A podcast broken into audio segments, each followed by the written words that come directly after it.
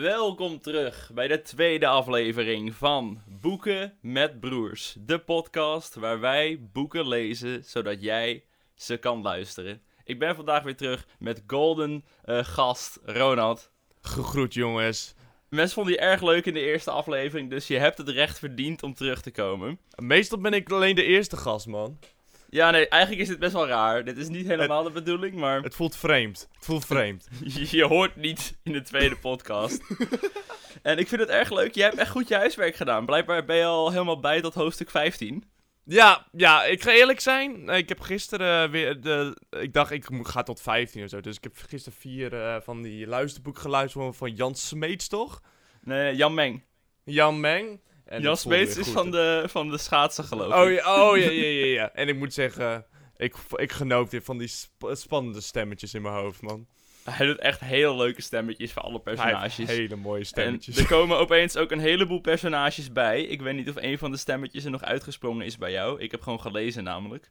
Ehm, nou, er is één stemmetje uitgesprongen. De, de, de moeder van Ron Wemel. Een mol. Oh, echt? En dat was gewoon zijn normale stem. In plaats van een leuk stemmetje deed hij zijn normale stem. Ik was... Voor eh, Rons moeder. Dat is echt gewoon een belediging naar Rons moeder. ja. Je hoeft alleen maar recht op het hek tussen perron 9 en 10 af te lopen. Niet stoppen en ook niet bang zijn dat je er tegenop botst. Dat is heel belangrijk. En als je het een beetje eng vindt, kun je het beter op een holletje doen. Vooruit, ga nu maar. Krijgen ze gewoon een, een dom stemmetje. Het was wel een beetje een teleurstelling hoor. Het was Nee, een teleurstelling. Snap ik volledig. Ik wil nog even gauw één ding zeggen over de vorige podcast. Want het was Ja. één opmerking die ik heel graag wilde maken. En ik was hem juist helemaal vergeten te maken. Eh, het is een soort ding wat heel veel mensen fout hebben over Harry Potter. En ik word er een beetje boos van. Ronald, het eens. Ja. wanneer krijg je je brief voor Zwijnstein? Wanneer krijg je je brief voor Zwijnstein? Ja. Ik denk dat het met de leeftijd te maken heeft. Dat is dus niet waar. Harry krijgt de brief als hij elf wordt. Maar hij had al heel veel brieven gemist. En heel veel mensen denken dat je dus je Zwijnstein-brief krijgt als je elf wordt. Maar je krijgt hem gewoon in de zomervakantie. Oh, really? Ja, het is gewoon Oh, voor Harry toevallig op zijn verjaardag. Terwijl Oh, je- dat, dat is toevallig. Dus dat wilde ik gewoon even rechtzetten. Dan kunnen we beginnen. Jij moet nog één ding ook nog rechtzetten. Dat mensen waren echt boos in de vorige reacties. Iets Vertel. van een bepaalde datum. Wat je zei dat het niet klopte, maar dat klopte wel. Ja, ik zei iets wat niet klopte. Eh, en maar wat ik zei klopte ook weer niet omdat ik me versprak. Ik zei de verkeerde maand. Precies. you, you fucked up. ik had gelijk en toen maakte ik een fout in het gelijk hebben. Dat was ongeveer aan de hand. Ja, dat was heel sad. Maar nu mag jij weer verder. Ik moest dat nog even zeggen. Mijn favoriete foutje is eh, een van de oorspronkelijke covers van het voorkantplaatje. We gaan natuurlijk nu door naar hoofdstuk 6, eh, vertrek van perron 9 3 kwart. Harry gaat met Yes. de tovertrein. En in een van die boekcovers heeft Harry een Gryffindor sjaal om bij de trein. Maar hij is nog helemaal niet gesorteerd, dus... Hoe weet, hij, dat hij, hoe weet hij dat hij in Gryffindor zit? Is dit... Dit is in de boeken, right? Dit is Ja. een van... in- in- toen de boeken uitkwamen, had, stond dit op de voorkant van een van de boeken, ja. Oh, ik dacht al, want dit heb ik helemaal niet gehoord. Dus ik zat zo van, wat? Wat? Ha- Harry liep het station binnen en had opeens een Gryffindor sjaal om. Hij dacht, hè, dit is wel heel toevallig. In ieder geval, laten we dan beginnen met het hoofdstuk. Eh, het begint eigenlijk met dat de Duffelingen nog steeds hartstikke bang zijn voor Harry. En dat is, nou, ja, ze negeren hem eigenlijk gewoon. Dat is eigenlijk het Ja. aardigst dat ze ooit voor hem geweest zijn. dat stond er wel. Dat stond er. heel sneu. Ik krijg nog steeds meer medelijden met Harry. Vorige keer hadden wij echt heel veel medelijden, hè? Nu nog steeds. We pakken Nu nog gewoon door. steeds. Ik denk dat als iemand jou negeert, dan is dat echt een kutbehandeling. Maar voor Harry is het echt gewoon vakantie. Dat is wel fantastisch. Gewoon even de rust. Gewoon even de rust. Even rust in zijn hoofd. Op een gegeven moment wordt de rust onderbroken, want hij heeft een gunst nodig van oom Herman. Hij moet namelijk afgezet worden op King's Cross. Ben je wel eens op King's Cross geweest? Ja, ja, dat was eh, een paar jaar geleden, man. Iedere keer als ik King's Cross eh, ben, dan denk ik weer, ja man, ik voel me net Harry Potter, let's go, 9 3 kwart. Ja, ze en- hebben daar volgens mij ook een bordje, hè? Ze Met hebben 9 een bordje met 9 3 kwart en ze hebben een gift shop eh, waar je Harry Potter shit kan kopen inderdaad, op het station. Daar ben ik ook geweest. Ze hebben inderdaad ook een muur waar zo'n half karretje in zit en dan kun je daar je foto eh, nemen. Hé, hey, dat is wel goed hoor. Even de, goed gebruik maken van de fan, eh, fran- French fries franchise. Franchise. French fries, nice. ja, ik kom even niet aan mijn woorden, man. Het is vroeg. Inderdaad heel vroeg. Hadden het ook over, oh ja, King's Cross, King's Cross. Dus eh, Harry Ja. moet aan oom Herman vragen van, vakka oom Herman, zou je mij toevallig kunnen brengen? En vooral het genoeg zegt oom Herman, hij zegt niks, hij zegt, "Mm." Wat Hij da- gromt. blijkbaar ja betekent ja. En hij zegt, nou ja, ik wou het eigenlijk niet doen, maar ik moet toch wel naar Londen. En Harry vraagt, oh, hoezo dan? Ik moet naar het ziekenhuis met Dirk. En ik dacht, hè, is Dirk gewoon zo dik dat hij doodgaat of zo? en toen was het zo van, nee, zijn staart zit er gewoon nog steeds op. De varkensstaart die Hagrid hem gaf, zit er al maanden op zijn lichaam. En moet chirurgisch verwijderd worden. Ben ik, nog, ben ik de enige die best wel, dat Harry best wel heel erg op eh, mensen belachelijk maken is, als het gaat over dik zijn? Nou ja, daar komen we zo meteen bij. Op een gegeven moment ontmoet hij dus Rons moeder. En iedere keer wordt ze beschreven als mollig. Echt vijf keer of zo. De mollige vrouw, de mollige vrouw. Zeg gewoon Rons moeder. Waar- waarom is het de dikke dame? Het is de hele tijd dikke dame, dat viel mij ook gewoon op. Een mollige vrouw. Maar ze heet wel Molly. Dus ja, ik snap dat ze dan even de, deze link proberen te leggen tussen mollig en Molly misschien. Ja, ja, maar dat moet het zijn. Dat moet het gewoon zijn. Maar even terug te komen bij Dirk. Ik, ik kan me gewoon eh, heel moeilijk voorstellen hoe je naar het ziekenhuis komt met... Hallo, mijn zoon heeft een staart, opeens. Fix dit eventjes. Mensen zullen echt in de war zijn, ouwe. Die zullen in de war ze- zijn. Dit is hoe, hoe tovenaars ontdekt zullen worden. Er komen gewoon verdacht veel kinderen met staarten het ziekenhuis binnen. Zo, hij had toch een varkenstaart? Een varkenstaartje, ja, omdat Ja, lekker ja. is. Oh, Dirk. Dirk, Dirk, Dirk. Voor de rest wat ik wel schattig vond. eh, Harry die heeft zijn schoolboeken natuurlijk gehaald in het vorige hoofdstuk. Ja. En hij is momenteel nog thuis bij de Duffelingen. Maar hij heeft wel echt al die schoolboeken daadwerkelijk gelezen. Terwijl later leer Harry is helemaal niet zo'n studiebol. Maar ik Nee. kan me het heel goed voorstellen als je in één keer hoort van... Yo, gast, je kan toveren. Hier heb je wat boeken die vertellen hoe je kan toveren. Dat ik denk, ja, ik zou dit wel lezen, denk ik. Ik zou graag... Ik wilde nog steeds dat eh, Harry die boeken haalde om eh, zichzelf te beschermen tegen vijanden. Ja, later blijkt wel, hij kan nog totaal niet toveren. Ik denk dat eh, je het niet echt alleen maar kan leren. Het is net zoals autorijden misschien. Je kan je theorie halen, maar dan ben je er nog niet. Nee, precies, precies. je helpt je niet heel veel voor het daadwerkelijke examen, vrees ik. Eh, hij wordt eigenlijk een beetje uitgelachen ook door eh, de Duffelings. Want ze zien zijn ticket en er staat op 9 3 kwart. En ze zeggen, gast, perron 9 3 kwart bestaat toch helemaal niet. We gaan je daar wel droppen, maar verder heel veel succes. En dat is precies wat gebeurt. Hij wordt gewoon daar gedropt met zijn kaartje. En opeens eh, ziet Harry zo van, hey, perron 9, perron 10, kut. En de, en de, de Duffelings rijden gewoon lachend weg. Dat werd nog even goed beschreven. Ze peren hem gewoon. Het is gewoon, oké Harry, je bent echt een sukkel. Doei. Loser! Dag. Ik geef mijn zoon naar het ziekenhuis een staart weg laten halen. Tjallas. Het is best absurd als je het zo zegt. Dat, eh, dat de Duffelings hem gewoon achterlaten. Want hij is elf. Hij is elf. Hij is elf. Je kan niet een elfjarige achterlaten op echt het grootste station van heel het Verenigd Koninkrijk. Dat kan niet. Dat kan niet. Dus Harry heeft een beetje wat ik ook wel eens heb als ik op Sloterdijk ben. Ik niet of je wel eens op Amsterdam Sloterdijk geweest. Een paar van die Yes. sporen zijn heel ver weg en dan ben je echt aan het kutten en aan het zoeken. Die Yes. trein gaat over 10 minuten en Harry heeft zoiets van, "Nee, maar dit spoor bestaat helemaal niet. Godverdomme mijn leven. dus hij- Dat de Amsterdam Sloterdijk is zo onoverzichtelijk, ouwe. het is- het is erg onoverzichtelijk. dus hij probeert nog een conducteur te vragen van... Yo dude, waar is 9 3 kwart? Dus die, oh, waar ga je heen? Zwijnstein. En die man kijkt van... Wat heb jij nou weer gesnoven? Eh... Hij wordt alleen maar boos op Harry. Hij zegt iets van, ja, kinderen vandaag de dag. Maar dan opeens ziet hij mensen in gewaden die iets zeggen over, godverdomme, dreuzels. En wie En- zou dat zijn? Het is de familie Wemel. Eh, Harry draaide zich haastig om en zag een mollige vrouw en vier jongens. Wie is toch die mollige vrouw, Rick? Wie, Wie is is die- dat? Wie is die mollige vrouw? Vervolgens worden de Wemels beschreven. Ze hebben allemaal vuurrood haar, een heleboel jongens en nog een heel klein meisje. Dat is Ginny. Ja, wat, wat er dus gebeurt eigenlijk momenteel, wat ik heel interessant vond, is... Het boek beschrijft dat je door een hek moet rennen. Ja, En niet Dat een muur. Dat, viel mij ook heel erg op. Oh my, ik was zo in de war, want ik zat zo van... Heb ik, heb ik nou een gedeelte gemist? Heb ik nou iets gemist? Want het gaat toch altijd door een muur heen? Ik dacht ook echt dat het gewoon mijn fout was, maar ik, ik kon hem ook echt niet herinneren. Ik heb dit boek meerdere keren gelezen, maar ik kon me echt niet herinneren dat ze door een hek heen gaan en niet door een muur. Het is meer gewoon een soort, ja, hekje. Ik denk gewoon een klein deurtje. Ik denk gewoon een tuinhekje of zo. Het was vaag, het was vaag. Ik was helemaal in de war, man. Ik denk dat Harry er net zo weinig van begrijpt als wij. Hij ziet in ieder geval deze, deze magische mensen praten. Hij denkt, hé, hey, misschien moet ik die even volgen, want die gaan vast ook naar de magische mensenschool. En zo moet hij dus de mollige vrouw, mevrouw Wemel, en diens veel te veel roodharige kinderen. Op een gegeven moment verschijnt een ander figuur, genaamd Draco Malfidus. En Draco Malfoy gooit de beste quote ooit. Hij gooit echt een gigantische roast. Mijn vader zei al dat de Wemels rood haar en sproeten hebben. En meer kinderen dan ze zich kunnen veroorloven.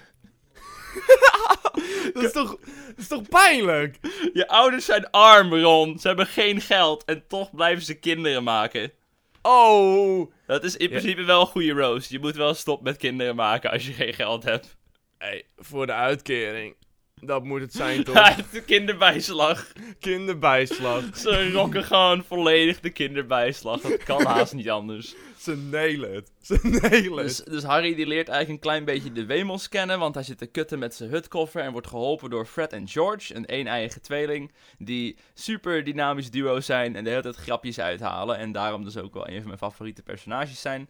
Ja. En zij zien Harry's litteken en zeggen, holy shit, je bent Harry Potter. En Harry zegt van, I guess, ja, dat klinkt wel als mij. Eh, Ron is ook helemaal blown away en wil meteen vragen over hoe Voldemort eruit ziet. En Rons moeder moet zeggen, het is niet netjes als je iemand net hebt ontmoet om te vragen naar de dag dat zijn ouders vermoord werden. Ja. Fair enough. Ja, ja dat, vond ik ook, man. Vond ik ook. Nu gaan we weer terug naar dat punt waar Harry Malfidus ontmoet. En het eerste wat Malfidus een beetje zegt, naast Ron roosten, is... Ja, Harry, sommige tovenaarsfamilies zijn beter dan andere. Je moet niet aanpappen met de verkeerde soort. Daar kan ik je bij helpen. En dan steekt hij zijn hand uit van... hey, die gast waar je net bevriend met bent is kut. Ik ben de beste, wil je vrienden worden? En gek genoeg zegt Harry... Nee, nee, hoef maar geen vrienden te worden. Maar was dat in de film? Even, eh, dat was toch in het kasteel zelf Ja. al? Ja, in de videogames is het ook heel, zit deze scène er ook heel vaak in. Het is bijna altijd in het kasteel. Maar in de film was het inderdaad eh, in het kasteel al, volgens mij? Ja, voor mij ook. Harry zegt in ieder geval, rot op Malfoy, dus ik wil je vriendschap niet. Eh, Ron heeft iets super cools. Hij vertelt namelijk dat hij heeft een rat, genaamd Schurvy. Ja. En hij zegt, hij heet Schurvy en je hebt niets aan hem. Hij slaapt altijd. dat is mijn huisdier. Maar, maar die karakter, even spoilers, wordt wel een groot karakter. Het wordt een, Schurvy heeft een plot arc, zeer zeker. Zelfs Ja. eigenlijk een bladzijde later al, want de Malfidus staat er nog steeds. De tijdlijnen lopen nu een beetje door elkaar, maar op een gegeven moment eh, hebben ze honger. Harry heeft de hele dag niks gegeten en Ron heeft bammetjes. Met corned beef. Zijn moeder was vergeten dat hij dat niet lekker vond, dus hij heeft gewoon matig beleg op droog brood. Op een Oh. gegeven moment komt de, de snoepkar voorbij. Wil je nog snoep? En Harry heeft opeens iets van... Oh ja, mijn ouders die dood zijn waren fucking rijk. Zieke erfenis. Ik wil van alle snoepjes één stuks. Terwijl in de film eh, koopt hij gewoon het hele karretje. Wat naar mijn mening een dik move is.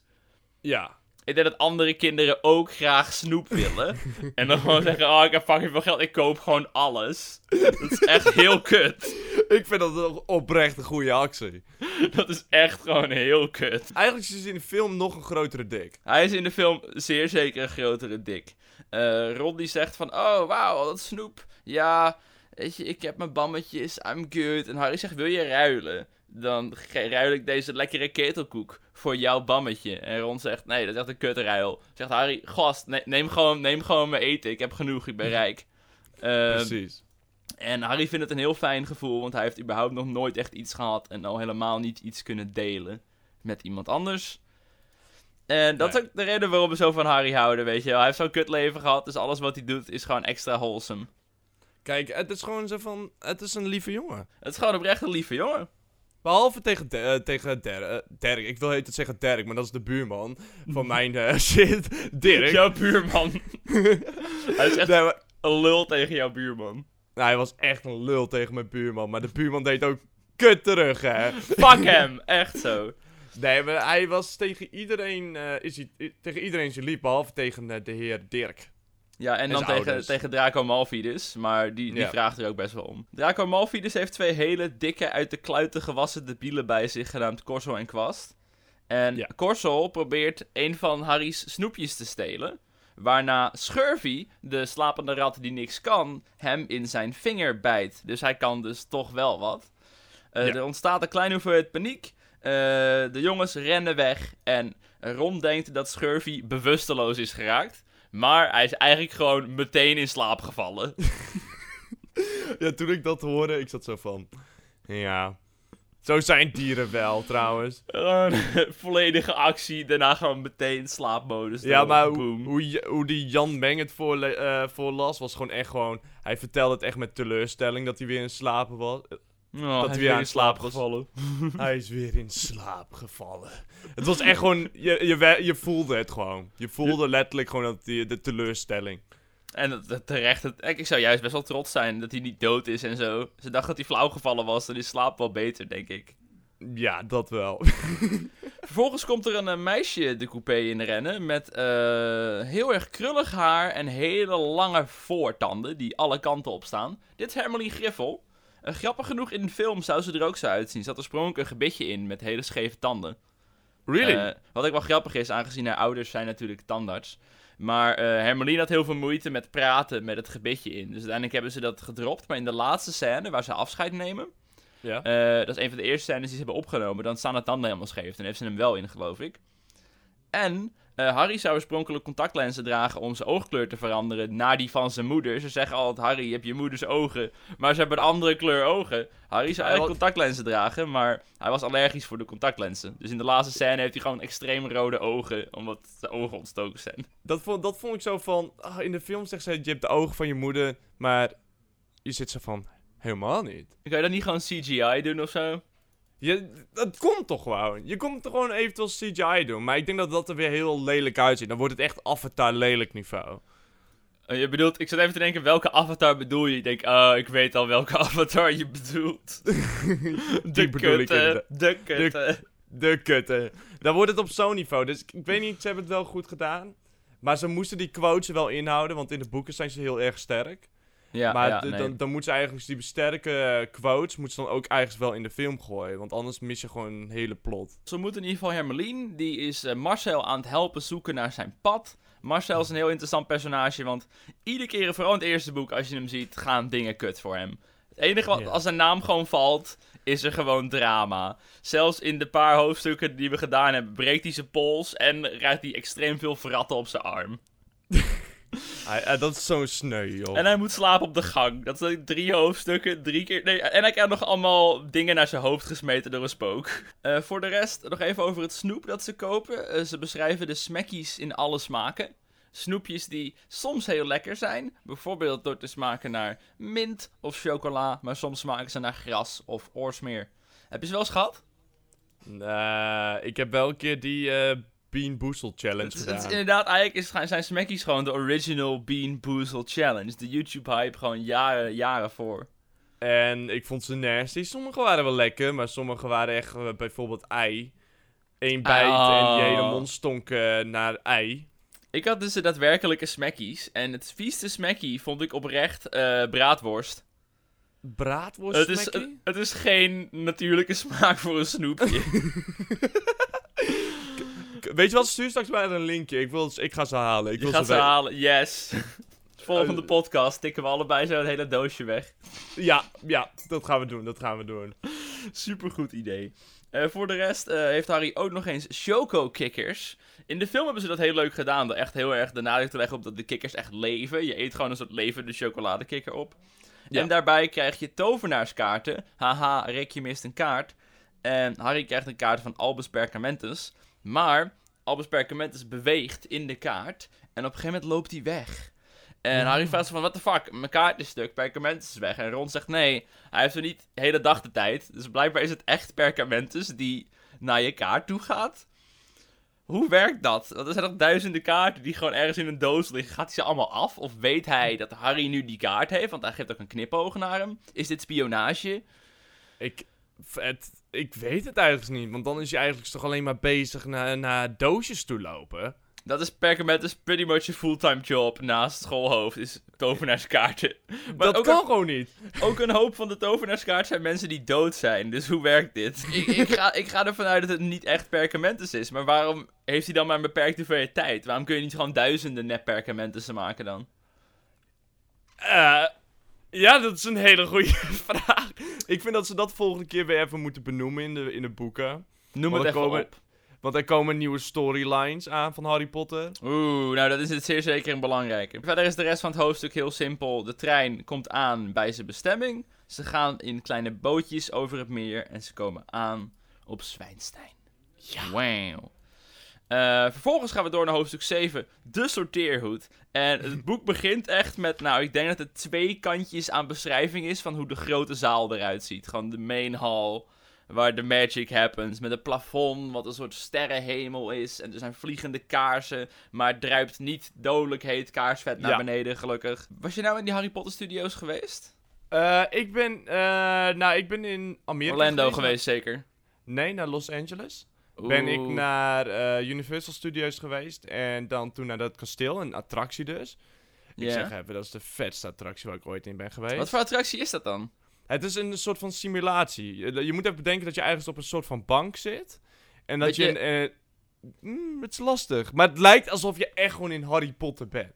Het is, als, als ik hoor in een gebouw op een bank zitten, denk ik meteen aan een Villa Volta-achtige rip-off van de Efteling, maar dat is het niet. Villa Volta, nee. Nee, deze is echt heel goed. Wat- ik, wat- Het is last... Noem Het je nou Villa Volta slecht? Ik hou van Ik- Villa Volta. Ik hou niet van Efteling. Nee, grapje. gra- nee, nee, nee, nee, nee, nee, grapje, grapje, grapje. Eh, nee. nee, het is ook van, een- het is gewoon een simulatie. Het lijkt echt alsof je een Harry Potter ziet. Je ziet Hagrid en zo. Eh, want je hebt de hele tijd een soort van beeldscherm voor je. Die met je langzaam met je meedraait. Dus Dus het een lijkt soort gewoon... 3D, 4D-film? Ja, ja. Maar dan ook echt in één keer dat je wel in een bos eh, belandt en zo. Het is echt super fijn. Het is gewoon lastig om uit te leggen. Ik kan je straks wel een filmpje sturen. Dat is wel duidelijker, denk ik. Ik weet gewoon niet hoe ik het moet uit. Het is gewoon een simulatie 3D. Ja, gebeuren gekke dingen. Er gebeuren gekke dingen. Ik ben best wel, ik ben oprecht heel benieuwd naar deze attractie nu, als het zo cool is. Ja, nu helemaal naar mijn slechte uitleg. Ja, nee. Nog meer hyped, hè? Ik heb nog meer vragen dan toen ik me vroeg, wat is het? Maar over, deze over deze hoofdstuk gesproken. Mijn hoofdstuk begon niet met hoofdstuk 9 of hoofdstuk 10. Ik weet niet welke. Maar ik begon meteen met het liedje. Echt? Ik begon Meteen? Het, hoofd, het hoofdstuk daarvoor was een uitleg van, van hoe het, eh, de, de zaal eruit zag. Bij mij begon het meteen met een nummertje, niet met een uitleg welk hoofdstuk het was. Dus- Ik was volledig in de war. Dus jij, jij probeert te beweren dat bij jou het hoofdstuk iets later eindigt en begint? Ja, Dat zou kunnen. Misschien hebben ze dat een beetje ge- geschoven. Want het begon Ehm. in één keer met... eh, Jan Meng begon te zingen en het was echt heel ongemakkelijk. Ja, nee, ik denk, ik wil niet te veel audioboekclipjes erin, maar ik denk dat stukje van de sorteerhoed moet er nu gewoon even in, want... Ik ben misschien wat shovel, maar dat is de buitenkant. Niemand weet zo goed als ik van de hoed en van de rand. Op gebreide mutsen kijk ik neer en op hoge hoeden. Ik ben de sorteerhoed van de school en weet meer dan je zou vermoeden. Al puilen de geheimen uit je hoofd, de sorteerhoed ziet ze vast. Dus zet me op, dan zeg ik je wat het beste bij je past. Misschien hoor je bij de Gryffindor, bekend om zijn dapperheid. Ja, ridderlijkheid en durf en lef is wat de Gryffindor onderscheidt. Het is zo lijp en ongemakkelijk en raar. Ik ga denk niet het hele stuk laten horen, want het is echt heel lang ook. Dan zijn we gewoon drie minuten verder. Eh, in ieder geval, Harry komt dus op school. En eh, hij hoort in één keer zo van... Hey, welkom op Zwijnstein. Eh, leuk dat je er bent. De vier afdelingen bestaan nog steeds. Er is een House Cup. de afdeling met de meeste punten. Je kan punten winnen door goed gedrag te vertonen. En we gaan nu naar de grote zaal. Die ze dus heel lang beschrijven. En er is een test. En Harry denkt meteen... Kut, ik ben één dag op school en ik moet meteen gaan toveren. Straks blij dat ik helemaal niet kan toveren. Moet ik weer naar huis. Fucking kut. Eh, op een gegeven moment komt hij erachter dat de test is een hoed. De test is een hoed. Dus hij denkt, misschien moet ik een konijn uit de hoed halen. Want dat is toveren. Ja, dat is wel waar. Uiteindelijk blijkt, je moet voor de test alleen de hoed opzetten. En Ron zegt, ik vermoord Fred. Hij zei dat we met een troll moesten vechten. Daar heb ik toch wel liever een hoed trouwens, hoor. Echt een troll move van Fred. Echt een troll move. Zit, eh, eh, daarom zijn het je favoriete karakters, hè? Sowieso gewoon Ron compleet bang maken. Dat je zonder te kunnen toveren met een reusachtig groot wezen moet vechten. Eh, vervolgens moeten een aantal mensen de hoed opdoen. En de hoed roept dan in welke afdeling je komt. Harry maakt zich opeens heel veel zorgen dat de hoed bij hem gewoon niks gaat roepen. Dat Harry gewoon niks kan. En dat de hoed gewoon zegt, ja, ongemakkelijk, maar ga maar naar huis. Ja, Ehm. ik, ik zat er ook zo van. Hoe? Je bent uitgenodigd om naar een kasteel toe te gaan naar Zwijnstein. Dan weet je sowieso dat je in een house komt. Ja, en ik vond, het, ik vond het juist wel prachtig om te zien hoe onzeker Harry eigenlijk is. Hij is zo verschrikkelijk onzeker. Eh, er worden dus een aantal mensen gesorteerd. Eh, Marcel Lubbermans, onder andere, die probeert eh, naar de hoed toe te lopen, maar valt. Natuurlijk. Arme Marcel. En uiteindelijk zegt de hoed Gryffindor. En dit is interessant, in het boek beschrijven ze dit niet helemaal. Maar het valt Harry op dat de hoed soms heel snel, gewoon meteen hoed op, boem, zwadderig, weet je wel. Maar soms duurt het wat langer. En dit noemen ze een headstall. Wanneer de hoed dus eh, vastloopt eigenlijk, omdat het zo lang duurt. Een headstall, een officiële, is na vij- vijf minuten of langer. En de enige echte headstalls waren in dat opzicht Peter Pippeling, tussen Gryffindor en Zwadderig. Wat als je Mhm. meer over Peter Pippeling weet, erg interessant is. En de andere headstall is eh, professor Anneling, het hoofd van Gryffindor, tussen Gryffindor en Ravenclaw. Omdat ze ook Ja, best wel ja. slim is. Eh, bijna eh headstalls zijn Hermeline, ook voor Gryffindor en Ravenclaw. Wordt in het boek niet beschreven, maar duurde echt heel lang. Ja. Marcel, tussen Gryffindor en, doe eens een gok, Hufflepuff. Hufflepuff, want hij zuigt. Want, eh, want Harry, eh, want Hagen zei dat Hufflepuff voor losers was. Hey yo, Loser Town. En Harry dacht dat hij in Hufflepuff zou komen toen. En de derde headstall, allemaal op één avond, is Harry Potter. Want de hoed twijfelt, moet deze jongen in Gryffindor of in Zwadderig? Ik wil even zeggen, deze hoed is heel slecht in zijn werk als je Harry Potter in Zwadderig zou willen stoppen. Ja, ja. Eh, eh, Harry heeft al bewezen dat hij heel empathisch is en veel meer is van het samenwerken dan eh, heel erg graag willen winnen en de beste willen zijn. Wat, zoals bij Draco Malfoy, een echte Zwadderig eigenschap is. Mhm. Dus waarom de fuck zou je erover twijfelen? Ik vind hem er wel bij passen, though. Ja, ik denk natuurlijk als je eenmaal bij het laatste boek bent en weet dat er iets met Harry is, waardoor hij iets meer misschien een zwadderaar zou kunnen zijn. Dus Ja. misschien speelt dat een rol. Ik, denk de- als je, ik denk dat als je dit boek als, eh, voor het eerst leest, dat je wel zit van, ja, Gryffindor. 100% Gryffindor. Maar wij, hebben, wij kennen het verhaal. Dat is waar. We weten wel dat Harry een redelijk moedige jongen is. Precies, precies. Vervolgens ontmoet hij ook nog eens in de grote zaal een heleboel spoken. Onder andere haast onthoofde Henk. En iemand vraagt, huh, hoe ben je dan haast onthoofd? En hij laat zien dat zijn hoofd pretty much werkt als een scharnier. Wat nog op drie vezels ongeveer vast zit. Hij is echt haast onthoofd. Het scheelt niet veel. Eh, Voor de rest ontmoet je ook de bloederige baron. Dat is het afdelingsspook van Zwadderig. En die heeft een vrouw vermoord een keer. En daarom is hij een bloederig spook. Wholesome Best, duister. letterlijk gewoon een moordenaar als mascotte. Let's go, Zwadderig. En, en de baron is, ehm, daar is één persoon bang voor, voor de baron. Dat is Foppe. Foppe, de klopgeest. Precies. En ik weet nou niet precies wat het verschil is tussen een spook en een klopgeest. Later leren we over professor Kist. eh, de enige docent op Zwijnstein die een spook is. Hij was ooit in slaap gevallen en toen was de school in de fik gevlogen. Toen ging hij dood. Toen werd hij de volgende ochtend wakker als spook en hij ging gewoon weer lesgeven. Oh, Gewoon omdat het kan. Hij had zoiets van, ja, hé, hey, leraar tekort, we moeten gewoon doorgaan. Precies, precies. Dus hij is gewoon al 300 jaar docent. Hij wordt denk ik ook niet betaald. Hij is een spook. Hebben spoken geld? Geen idee. Google het. Hebben spoken geld? Hebben Please Google, hebben spoken geld? Hebben spoken geld? Je weet maar nooit. Je weet me nooit. Ehm, even kijken. Dus eh, ik zie alleen met spoken, ja, spokenjager. Een spook heeft geen nood aan geld. Nou, dankjewel Dat- Google. Dat staat in de encyclopedie. Oh, de Oh. encyclopedie. Ja, ja, ja, met allemaal onzin erin. Ja, dat... Oh god, ik zie nu dat er staat dan onzin. Onzinclopedie. Maar dat is de enige bron die we nodig hebben van al onze wijsheid. Ja, precies, precies. Hier. Ik stuur je een mooie linkje. Daar kun je zien... Een spook heeft geen nood aan geld. Voor de rest is er ook nog een hele mooie speech van Perkamentus. En dit is echt weer zo'n typisch Perkamentus moment. Hij zegt, voor het feestmaal begint, zou ik graag een paar woorden willen zeggen. Je denkt, hier komt de meest epische quote ooit. Ik zou een paar woorden willen zeggen en dit zijn ze. Domkop, blubber, kleinoot, kriel. Dank u. Eh, Harry dacht dat hij getikt was. En ze vroeg van, is Perkamentus nou lijp of wat? En zeiden ze, nee, hij is fucking slim. En lijp.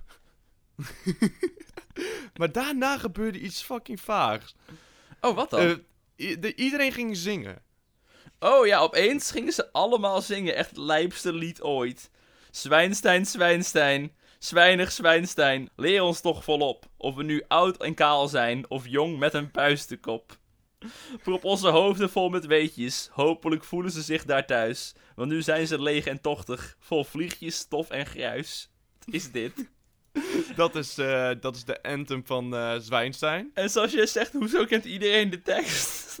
ja, ik zat zo, als je daar voor het eerst komt, dan weet je toch de tekst niet. Maar blijkbaar is het echt dus een heel bekend lied. Het is echt gewoon super famous, omdat de tekst gewoon zo goed en zo waar is. Het is zo waar. Zwijnstein profileert zich wel echt als de school voor lijpe, rare kinderen, ja, op deze manier. Ja, officieel. En vervolgens is het grote feestmaal dus. Het is officieel begonnen. En eh, bij dit feestmaal eigenlijk al het eten ooit wat je maar lekker vindt. En pepermuntballetjes. Eh, Harry geeft een klein beetje een gesprekje over de leraren die er precies zijn. Een beetje aan het roddelen. Op een gegeven moment is het eten klaar. En komt professor Perkamentus nog één keer terug. En hij zegt... Sup, dudes. Even voor de duidelijkheid. Het verboden bos is verboden. Eh, de derde verdieping ook. Ja, maar er stond echt toch iets van, eh, als je daar naartoe gaat, dan ga je dood. Eh, even Zo kijken, werd het wel ja, echt, zo werd wel. het echt wel benoemd. Even kijken hoor. En tenslotte wil ik jullie op het hart drukken dat de rechtergang op de derde verdieping dit jaar verboden terrein is voor iedereen die geen uiterst pijnlijke dood wil sterven. Dat is, toch, dat is toch bizar? Dat zeg je toch niet als eerste dag? Het komt wel goed binnen, maar dat kun je niet maken. Ik denk dat het ten eerste wel helpt. Weet je, kinderen zijn vaak heel nieuwsgierig om de regels te breken, om te kijken wat er gebeurt. Een uiterst pijnlijke dood is wel iets wat afweert, denk ik. Ja, ja, ja. Maar ik, Ik ben, ben, nu eh, wel heel benieuwd wat er dan precies achter die deur zit. Precies, ik ook. Nou, we weten het. We weten het, maar stel ik zou op die school zitten, zou ik wel even gluren, zeg maar. Ja, ik zou wel willen gluren hoor. Ik ben zo'n joch.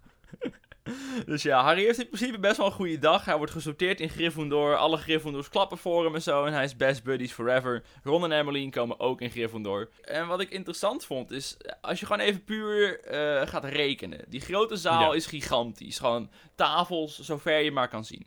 Harry zit in dit jaar in Gryffindor, ik geloof met vier andere jongens. Ron, Marcel, Simon en Daan. Ze zijn met z'n Ja. vijven. Laten we er even vanuit gaan dat dit gemiddeld is, maar weet je wat, desnoods, er zijn zeven Gryffindor jongens, zeven Gryffindor meisjes. Ja. Er zijn zeven jaren op Zwijnstein. Dan zitten er dus 100 mensen op Zwijnstein. Nou ja, eigenlijk 400, want de andere afdelingen bestaan. Maar mijn punt blijft... Het is fucking weinig studenten voor hoe fucking groot die school is. De gemiddelde middelbare school heeft meer dan 400 leerlingen. En die aula's zijn vaak best wel klein. Ja, het is lekker leeg. Dat is fucking weinig. De films echt en de weinig. zaal suggereren dat er veel meer mensen zijn. Maar als je kijkt naar de slaapzaal en hoeveel mensen er binnenkomen rollen, is het echt heel weinig. Maar ik geloof, er is een theorie dat in de tijden van Harry vrij weinig kinderen geboren werden. Want Voldemort en zo eh, liep best wel rond en er was heel veel onzekerheid in de magische wereld. Dat is een soort van logisch, denk ik. Mm, wow. Alhoewel, Harry's ouders waren letterlijk aan het vechten met de heer van het duister. En dachten alsnog, laten we een kind maken. Dit is echt een goede timing. Precies. Precies, dus ik zit zo van, daar is gewoon niet over nagedacht. Nee, Harry's ouders kunnen een hoop dingen, maar plannen is echt niet de Nee, beste precies. Nou, Harry gaat in ieder geval naar de eerder besproken slaapkamer met de andere Gryffindor jongens. Hij moet langs het portret, de dikke dame. Het wachtwoord is Caput Draconis. Even gaan opzoeken of er nog iets cools achter zit. Een gat. Draconis is draak, wat is Caput? Caput Draconis betekent drakenhoofd. Ah, Ah, ah. Maar waarom? geen idee. Eh, vervolgens gaat Harry lekker liggen in zijn bedje en heeft hij de raarste droom ooit. Hij droomde dat hij de tulband van professor Krinkel... Ik weet niet of we dit al besproken hebben, maar professor Krinkel denkt opeens dat hij om een of andere reden een tulband mag dragen. Vindt hij gewoon cool. en iedereen vindt die tulband een beetje raar. Dus eh, Harry droomt dat hij de tulband van professor Krinkel op heeft. En de tulband kan opeens praten en zegt dat Harry moet overstappen naar Zwadderig. Dat klopt, ja. En Want dat, is eh, je lot. Dat was je lot en later kwam Snape random in één keer in Ja. eh, zijn droom. Harry zei tegen de tulband dat hij niet naar Zwadderig wilde. En de tulband werd zwaarder en zwaarder. Dus drukt zijn hoofd naar de grond. En toen opeens ging Malfidus hem uitlachen. Eh, en toen kwam ook, ook, was ook. En toen veranderde Malfidus opeens in Snape. Eh, en die zei: Ah, je bent echt kut. En toen zag hij een groene flits. Want natuurlijk, daar gaat het over Voldemort, die zou dus vermoord. En werd hij zwetend en rillend wakker. Oh, je, je, je krijgt toch medelijden met hem? Ik vind het de perfecte manier om dit hoofdstuk te eindigen wel. Opeens heel Precies. raar. Het was gewoon heel vreemd. Want die droom kwam in één keer random. Had je dat ook? Ja, ik bedoel, dromen komen wel opeens random als je gaat slapen natuurlijk. Maar ik snap je punt. Het was heel raar met de rest van het hoofdstuk. Het paste er niet echt bij. Ik, eh, maar wat ik, ehm, wat ik het mooist vond, wat we waren, vergeten te bespreken. Ehm, ja, want Snape keek Harry aan en toen kreeg Harry last van zijn litteken tijdens het eten, volgens mij, als ik het goed Mhm, heb. Ja. En in één keer de volgende, eh, in dezelfde avond heeft hij een droom over hem en dat hij de fuck you geeft naar Harry. Dus je probeert uit te zeggen dat Harry verliefd is op Snape. Ja, Nee, Ja. precies. Dan begrijpen we elkaar. dan begrijp ik. Nou, over Snape gesproken. Grote fanboy. Hoofdstuk 8. De toverdrankmeester. Ik had eigenlijk verwacht dat dit hoofdstuk grotendeels zou gaan over Harry's interactie met Snape. Maar dat valt reuze mee. Het is eigenlijk meer gewoon een algemene uitleg van de vakken. En ik vind het wel leuk in vergelijking met de film. Je krijgt echt een beetje diepgang van... Wat leer je bij kruidenkunde? Hoe werkt toverdranken? Eh, wat doe je bij gedaanteverwisseling? Ik vind het best wel leuk dat je een beetje die, die context krijgt, zeg maar. Ja. Onder andere, iedere woensdagnacht gaan ze om middernacht kijken met hun telescopen naar de sterren. Dat lijkt me echt een kutvak. Lijkt me leuk, man. Het lijkt me echt niet leuk om... De, eh, eh, door een telescoop naar de sterren kijken lijkt me leuk. Maar iedere keer tekeningen moeten maken van waar de sterren staan. Wat de fuck heeft dat met de rest van magie te maken? Ik weet dat het te maken heeft met waarzeggerij waarschijnlijk, maar...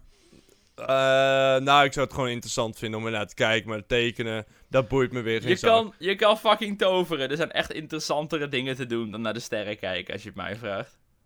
Oh, ik, het is wel romantisch, dat wel. Het is wel erg zwoel voor een stel 11-jarige Precies. kinderen.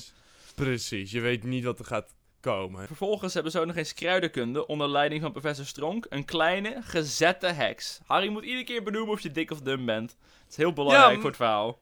Het is toch erg? Eh, het helpt Hij wel. vindt bijna iedereen dik. Maar je, je, je, zo, zo creëer je wel een, een beeld van de karakter. Precies. Ik, ik weet dat ik had het heel erg met Harry Potter 6. Daar heb je natuurlijk Slughorn, is een nieuw personage. En in de boeken beschrijven ze hem als echt heel dik. Als in, soms zit hij in een winkeltje en dan past er één andere persoon bij, want hij is echt gewoon rond. Hij Ja, is echt gewoon ja. een bowlingbal, gigantisch uitvergroot. En in de film is hij gewoon normaal gewicht. Hij is niet eens iets wat mollig. Hij is gewoon echt compleet normaal gewicht. Hij zag er in mijn hoofd zo anders uit. Het was zo'n teleurstelling. Was teleurstelling, want ze hadden Snape ook totaal anders eh, uitgebeeld, hè? Dat is waar. Met, een, met een, ook een hele lange neus. Of was dat weer Ron met een hele Zo- lange neus? Zowel Ron als Snape wordt beschreven als het hebben van een hele lange neus. Eh, Ze hebben, Heel veel ze mensen hebben hebben een lange neus. Ze hebben hem beide niet echt. Maar dat past ook wel bij het idee van een heks, toch? Die hebben ook vaak een, een lange neus. Dat is waar, maar... eh, ja, iedereen is dik of heet een lang iets. Ja, Lange nek. Lange tanden, lange neus, lange nek. Wauw. Je hebt het helemaal... You, you cracked it wide open. Precies, precies. Iedereen heeft wat. En Iedereen. Harry zit daar wel de hele tijd over te praten, hè? Hij is niet, de, hij is niet perfect, hè? Jawel, Harry heeft niet veel, maar hij ziet er tenminste normaal uit. Dat wel. Hij, hij, hij, hij heeft alleen een litteken. Hij heeft alleen een littekentje inderdaad. Een lang litteken. Vervolgens gaan ze ook nog eens naar Verweer tegen de Zwarte Kunsten. Het vak dat door iedereen echt gehyped werd. Dat was fucking vet. Daar ging je duistere magie leren en shit. Eh, de les was fucking saai. Je had gewoon Krinkel met gekke tulband. Het hele lokaal rook naar knoflook. Want ze dachten dat Krinkel bang was voor vampiers, waar hij ruzie mee had. Gewoon de vampiermafia. En zelfs de tulband rook gigantisch naar knoflook. Van misschien moet je die een keer afdoen en een keer wassen of zo. Eh, Want ze denken dat hij daar ook knoflook heen heeft. ze eh, denken dat die knoflook in de tulband heeft verstopt. Ja, precies, precies. Wat zou er toch met die tulband aan de hand zijn? Want ze hebben het er wel heel vaak over, Ronald. Misschien is het Mm. belangrijk voor het plot. Voor mij is dit een plot, eh, Rick. Denk jij het ook? Ik denk dat het een afleiding is. En dat eigenlijk eh, er wat op zijn rug eh, aan de hand is. Ah, ik, ik, ik, ik denk het ook, zijn rug. Of zijn knieschijven. Vertrouw ik ook niet echt, man. Die zijn ook wel best wel eh, puntig en lang, ja. Precies, niet te vertrouwen. Verder eh, hebben ze natuurlijk ook nog gedaanteverwisseling. Waar professor Anderling meteen weird flex, but oké, een tafel in een varken verandert. Dat stelt veel vragen over hoe leven werkt. Zeg maar kan je ook gewoon dingen in een mens veranderen? Wat zijn de limitaties van gedaanteverwisseling? Ik geloof dat je niet heel makkelijk jezelf kan veranderen. Je kan jezelf in een dier veranderen, maar dat is heel zeldzaam. En je moet je laten registreren en zo. Maar kun je inderdaad een dier in een mens veranderen? Want ik bedoel, je kan wel mensen aanpassen. Er zijn spreuken dat je lichaamsdelen groter worden en dat soort dingen. Dus de vraag is echt, Ja. in hoeverre kan je mensen in dieren veranderen en andersom. Nee, trouwens, in Harry Potter 4 wordt Malfoy in een Fred veranderd. Really? Door, in de film zit dat ook, door, door Mad-Eye Oh Moody. ja! Die verandert Oh ja, dat dier. gebeurt ook in de film, ja. Klopt inderdaad. En dan Klopt, zegt Anderling ook van, hé, dat is niet helemaal netjes. Je mag mensen niet in dieren veranderen. Dat is niet cool. Ja, dat klopt inderdaad. Dat was ik even vergeten, man. Ik was het ook even vergeten en toen dacht ik, ja. gedaanteverwisseling is erg moeilijk. Dus in plaats van tafels in varkens veranderen, eh, veranderen ze, eh, eh, ik geloof, een sprietje in een naald. Het Nee, is- een, eh, een lucifer. Oh, een lucifer in een naald. En ik vind het leuk dat door de boeken heen heb je vaker gedaanteverwisseling. En je ziet ook echt die dingen groter worden. Op een gegeven moment verander je dat een rat in een beker. En verander Ja. je een tafel in een stoel. Dus je ziet ook echt de schaal waarop hun skill groot wordt. Zie je echt toenemen in de gedaanteverwisselingen die ze doen. Ja, ja. Nou, vervolgens natuurlijk dit hoofdstuk gaat door naar, wauw, grote plot twist, de toverdrankles. Het begint grotendeels met Snape die een hele dikke rant gooit over hoe episch toverdranken is. Jullie Ja. zijn hier om de subtiele wetenschap en exacte kunst van het toverdrankbrouwen te leren, begon hij. Snape fluisterde bijna, maar toch verstonden ze elk woord. Ik verwacht niet dat jullie de schoonheid van een zacht pruttelende ketel zullen waarderen. Van de kringelende damp, de delicate kracht van vloeistoffen die door de menselijke aderen kruipen en de geest bedwelmen. De zintuigen begoochelen. Ik kan jullie leren hoe jullie roem kunnen brouwen, glorie kunnen destilleren en zelfs de dood kunnen bottelen. Als jullie tenminste niet zulke grote reuzelkoppen zijn als de meeste leerlingen. Dat is... Dat mag je niet eens zeggen. Best episch. Ehm, het is best episch. Het is cool. Ik, vind, ik, ik, ik begrijp Snape wel. In principe is toverdranken gewoon scheikunde natuurlijk. Ja. Maar de vraag is wel echt: moet je kunnen toveren om toverdranken te doen? Weet je, wel? je kan toch gewoon de ingrediënten bij elkaar gooien. En je moet af en toe met je stok er doorheen. De vraag is echt: in hoeverre heeft toverdranken te maken met toveren? Het is toch gewoon dingen bij elkaar gooien? Eh, je moet wel weten wat je doet. Ja, maar je Het toch gewoon is- een boek voor? Je hebt er een boek voor, maar... Dat is inderdaad... Valt het onder toveren? Of is het niet inderdaad meer scheikunde, wat je net zei? Het, het- voor mij is het wel toveren. Maar Snape zegt ook van ja, de meeste mensen vinden toverdranken niet cool omdat je je sto- stok niet gebruikt. Eh, ja. Vervolgens gaat Snape de presentie oplezen. Gewoon de namen één voor één. Vind je het ook altijd kut? Als je op de middelbare zat, dat, je dan, dat ze dan Ronald Fledder oplezen. Dat je, ja, dat ben ik. In de- in- Dat is gewoon... Het is gewoon awkward. Ik vond dat helemaal niks. Je moet altijd ook kiezen hoe ga je reageren. Is het gewoon yo, of is het ja, hier, of ja, Ik, ik zeg gewoon yo. Ik zei altijd yo. yo, gasten, Ronald in de building, pieuw, pieuw, pieuw. Doe een duimpje omhoog. Duimpje omhoog, hell yeah. What's up, guys? Welcome back to my new vlog. Eh, ja, maar ik was altijd het simpelste. Gewoon yo. Yo. Eh, volgens eh, Snape is lekker bezig met zijn dag, lekker die, die namen oplezen. En opeens ziet hij daar Harry Potter. En nou, je ziet hem eigenlijk gewoon een beetje smerig kijken van, ah, gadverdamme. Verdamme. We hebben een beroemdheid in de klas. En vervolgens gaat die Harry gewoon echt allemaal moeilijke vragen stellen.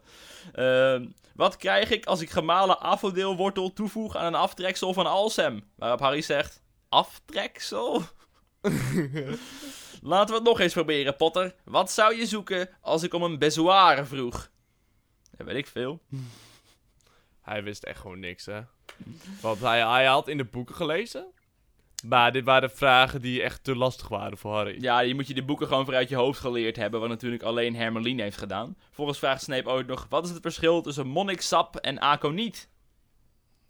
Dat weet En niet, ik, meneer. ik vind deze scène echt heel goed gedaan in de film. Waar je dus Emma Watson hebt, Hermeline die zo... Oh, ik, oh, ik, oh, oh, Ja, oh, oh, alsjeblieft, ik weet het, ik weet het, ik weet het. En Snape negeert er gewoon volledig. En Harry zegt op een gegeven moment... "Eh, Weet ik veel, vraag het Hermeline. Ik denk dat zij het wel weet.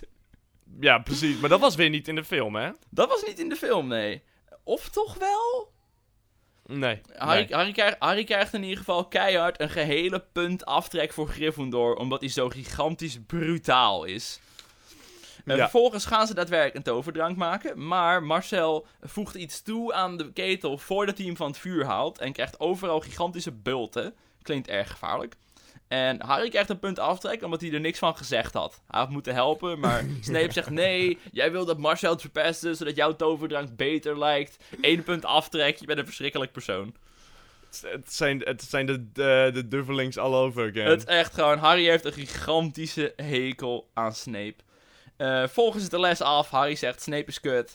En ehm, er is ook nog een klein nieuwtje opeens. Er is een inbraak geweest bij Goudgrijp. En niet zomaar een inbraak, het was een inbraak op de dag dat Harry en Hagrid er waren. In de kluis waar Harry en Hagrid waren.